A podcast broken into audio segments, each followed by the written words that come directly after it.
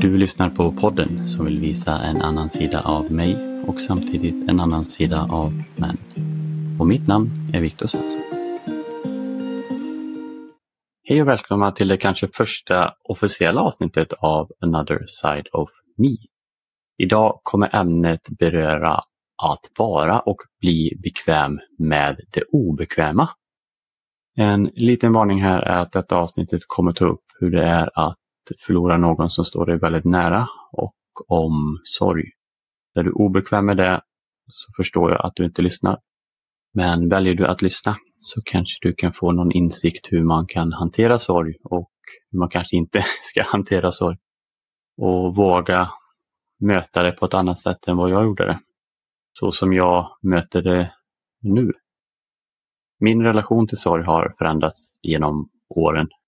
Idag skulle jag säga att jag är nästan bekväm med det obekväma. Och vad menar jag med det? När någon närstående går bort eller någonting händer, det kan vara någon stor händelse i ditt liv där någonting väldigt kraftfullt händer och du får starka känslor. På något sätt har jag blivit bekväm med det nu genom åren och allt jag har gått igenom och upplevt på gott och ont. Men det har ju inte alltid varit så. Precis som jag nämnde i introavsnitten så har jag levt ett väldigt fint och privilegierat liv. Jag vill inte upprepa mig för mycket, det gillar inte jag heller att höra. Men jag är extremt tacksam för mina föräldrar och mina bröder och alla vänner och alla kollegor, alla människor jag har mött och haft förmånen att få ha i min närhet. Nu upprepade jag mig ändå, men jag är bara väldigt tacksam för de människorna som är i mitt liv och har varit i mitt liv. Men tillbaka till ämnet. Året är 2016. Jag minns att jag står i ett vitt rum med tavlor som försöker inspirera men de gör allt annat än det. Och i detta vita rummet, jämte mig i sängen, ligger en av de viktigaste personerna i mitt liv. Det är min mor. Min älskade mamma har varit sjuk i mer än ett år. Och i den stunden så blir det verkligt för mig att hon är sjuk och har varit sjuk. Något jag försökt trycka undan för jag vill inte tro att det var sant. Men nu har jag det på papper. Hon ligger jämte mig och är döende. Jag minns att det susar i hela huvudet och hela rummet skakar. Och i eftertanke så förstår jag att det var jag som skakade. Miljoner tankar flyger omkring mitt huvud, miljoner känslor kommer upp. Men någonstans där så vaknar jag till och hör min mor börja få svårare att andas. Jag får lätt panik och springer ut i korridoren och ropar Ursäkta, ursäkta, jag tror det är någonting fel med min mor. En otroligt duktig sjuksköterska hänger med mig in på rummet och kollar till min mor. Och Jag minns verkligen hur hon vänder sig sakta och kollar på mig och säger Du borde ta hennes hand nu. Jag minns att jag skakande tar mig fram till stolen jämte hennes säng och tar hennes hand. Jag vet inte vad jag ska säga, jag vet inte vad jag ska känna. Jag önskar jag hade sagt så mycket mer till henne. Men jag minns att jag får fram, jag älskar dig. Allt kommer bli bra. Jag minns att jag tar hennes hand och klämmer lätt i förhoppning att hon ska klämma tillbaka för att visa att hon mår bra, att allt är okej. Okay. Sen tar hon ett sista andetag och andas ut.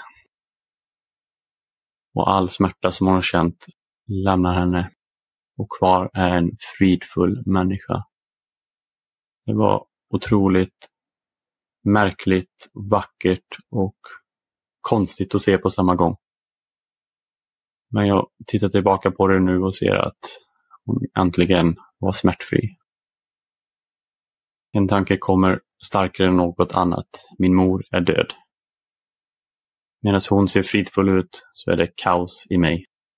Någonting gick sönder i mig där och då. Någonting dog nästan där och då i den stunden när hon gick bort.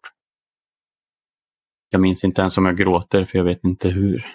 Jag minns inte vad jag känner för det är så otroligt mycket som kommer upp. Jag vet inte hur jag ska uttrycka dem. Jag har inte lärt mig riktigt hur. Men jag minns att jag sa till mig själv, jag måste vara stark nu. Jag gör olika grimaser och miner för att trycka ner sorgen, för att pressa bort den. Och jag pressar bort den, pressar ner den så långt det bara går i en liten håla där jag låser dörren och kastar bort nyckeln.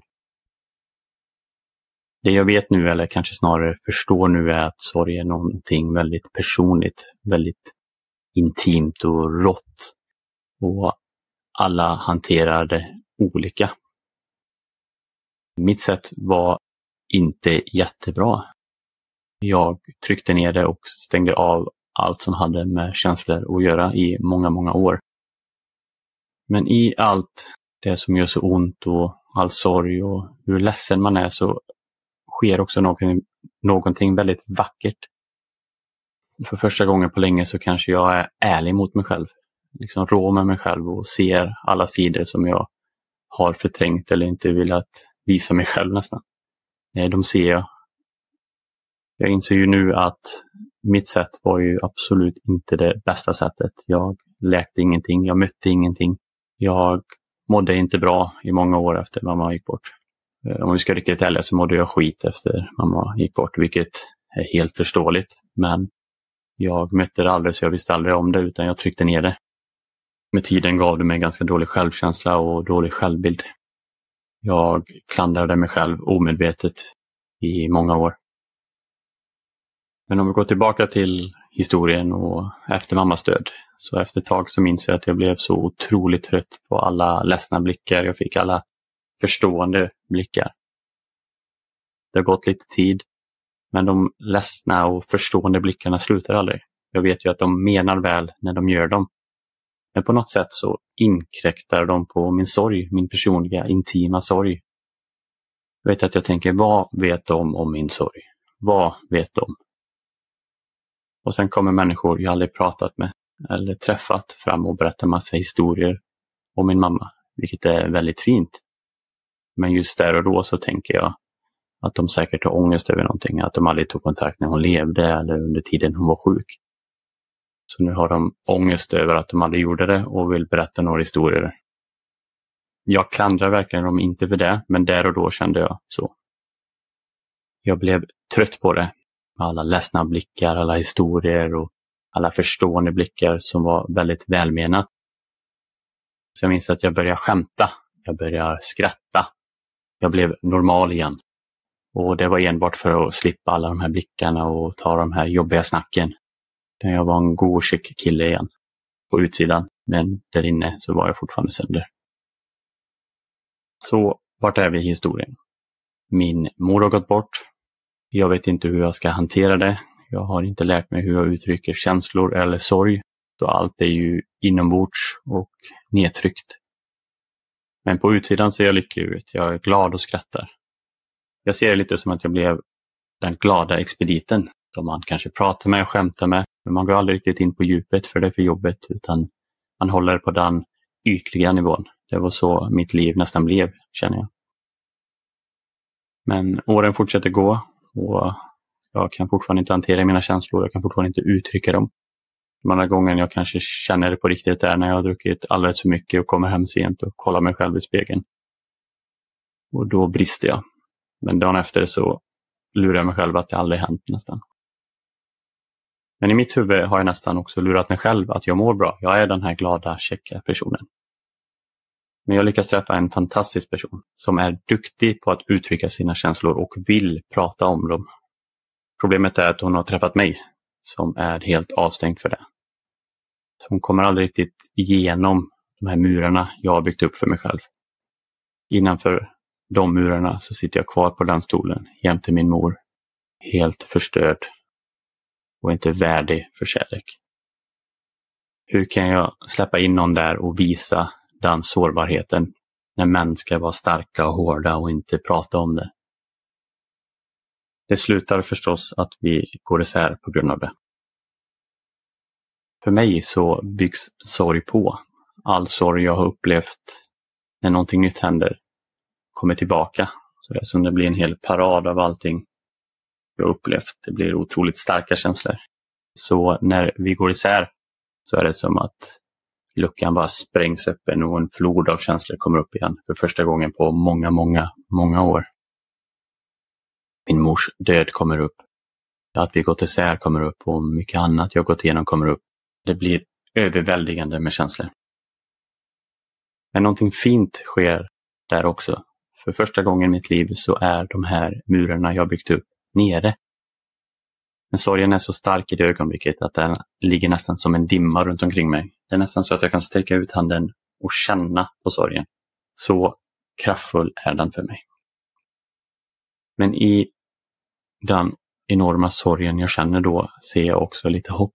Jag inser hur dåligt jag mår och har mått. Jag är ärlig med mig själv för första gången i mitt liv kanske. Jag visste också där och då att jag skulle försöka vinna henne tillbaka. Och jag började arbeta med mig själv för att uttrycka vad jag känner och tänker. Så ett, i ett litet experiment så började jag skriva ner alla hennes bra egenskaper på ett A4. Jag tror det nästan blev två och jag skulle kunna fortsätta mycket, mycket mer. Och sen tänkte jag, jag borde prova på mig själv också. Så jag tog ett nytt A4, tog tag i min penna igen och tänkte nu ska jag skriva massa fina saker om mig själv. Det blev tre rader. Första raden stod det trevlig. Andra raden stod det bra klädstil. Och tredje raden stod det ganska rolig ibland. Nu tycker jag ju att jag är rolig hela tiden, men vem gör inte det? Jag insåg där och då vilken otroligt dålig självbild jag hade av mig själv. Men det blev också någonting positivt för jag insåg att det här kan jag faktiskt jobba med för att bli bättre. Och många av de sakerna kommer vi prata om vidare i de andra avsnitten. Men genom åren har jag förlorat många människor i mitt liv på olika sätt. Och någonstans där i så, så känner jag mig bekväm med sorg. Jag har blivit bekväm med det obekväma på ett sätt. På något konstigt sätt så känns det nästan som hemma. Lite skrämmande nästan att det känns som hemma. Men det är också en trygghet i det. Sorg kan vara så mycket mer än död. Det kan vara slut på en relation, det kan vara slut på din semester, det kan vara slut på en helt perfekt dag. Man kan känna sorg för så otroligt mycket saker. Så i det här avsnittet så vill jag berätta lite om vad jag gått igenom och hur jag kanske har hanterat det och hanterar det nu. Men hur hanterar man sorg nu då? Hur, hur gör jag nu? Först och främst så är det bra att prata med någon. Eh, helst en professionell. Prata med vänner, uttryck dina känslor, våga prata om dem. Något jag starkt kan rekommendera, inte bara sorg men i alla delar av ditt liv, är att reflektera och skriva om det som har hänt. Den historien jag berättar är någonting jag har skrivit för några år sedan och kanske kommer skriva igen för att se om något annat kommer fram. För att bearbeta och försöka förstå. Men att skriva ett öppet brev till någon som har gått bort eller till en relation som inte blev det man trodde är någonting otroligt kraftfullt. Till och med att skriva ett öppet brev till någon som du kanske inte ser öga till öga med kan också vara ett bra sätt att släppa lite av den här sorgen eller ångesten eller ilskan som man känner. Det jag skrev till min mor eller någon annan i min närhet som har gått bort är oftast vad jag saknar med dem. Vad jag ångrar att jag aldrig sa, saker vi kunde gjort, minnen och kanske till och med lite roliga historier. Och det är någonting väldigt befriande med det. Att det inte är fast i huvudet utan du har uttryckt det. Sen är det bara du som kanske kommer se det om du inte väljer att visa det för någon annan. Men för mig har det varit otroligt kraftfullt. Och sen då något som låter väldigt lätt men är väldigt svårt är att möta sina känslor, acceptera att man känner sig ledsen och nästan gro in sig lite i det. Det är nästan, för min del i alla fall, lite skönt när man är där, även om det gör jävligt ont så är det också någon för mig då hemma. Så för mig har det blivit lättare. Men någonstans måste man börja, någonstans måste man våga möta sin sorg. Annars kanske det blir för dig som det blev för mig, att det får utlopp någon annanstans. För min del var det att jag tyckte ner min självkänsla och självbild och jag mådde egentligen inte bra även om jag intalar mig själv att jag mådde bra. Så uttryck känslor, prata om känslor. Har du vänner som är öppna för det så prata med dem. Och ju mer jag har öppnat upp mig och pratat med andra om saker som har hänt, eh, desto mer märker jag att andra också gått igenom det och vill också prata om det. Och på något sätt kan vi läka varandra genom att berätta erfarenheter och hur jag gjorde och hur du kanske har gjort. Och sen då det viktigaste av allt, något som är det absolut starkaste du kan göra i mina ögon, det är att visa sårbarhet till andra och framförallt till dig själv också. Sårbarhet är något bland det starkaste och vackraste jag vet. Så var inte rädd att visa det. Och du kommer bli överraskad hur många som kommer visa det tillbaka. Och när man blir bekväm att möta någon slags känsla, det är väldigt lätt att möta de glada känslorna inom citattecken. Men börjar man möta alla känslor, all sorg, till och med ångest och allt möjligt, då har jag märkt att jag inte trycker ner någonting längre utan jag möter det hur jobbigt det än är eller hur ledsen jag än är, hur mycket jag än vill pusha bort det, för det vill jag fortfarande. det hade gjort allt så jävla mycket lättare. Men eh, det förstör lite poängen och jag vet ju att jag inte mår bra av det så, så uttryck dem, möt dem. Det kommer bli bra. Lita på mig. Eller skitsamma och bara stänga av allting. Och se vart det tar dig, så kan vi prata igen om några år. Tack för att ni lyssnade på hela avsnittet. Det här är ett otroligt viktigt ämne för mig, kanske det viktigaste. Så skriv och kommentera om det är något jag kan hjälpa med, om ni behöver tips med någonting. Annars så ses vi i nästa avsnitt som kanske blir ett litet gladare avsnitt. Men som sagt, tack för att ni lyssnade och vi ses. Jag ville bara säga tack för att ni lyssnar. Och glöm inte av att vara snälla mot er själva och vara snälla mot andra.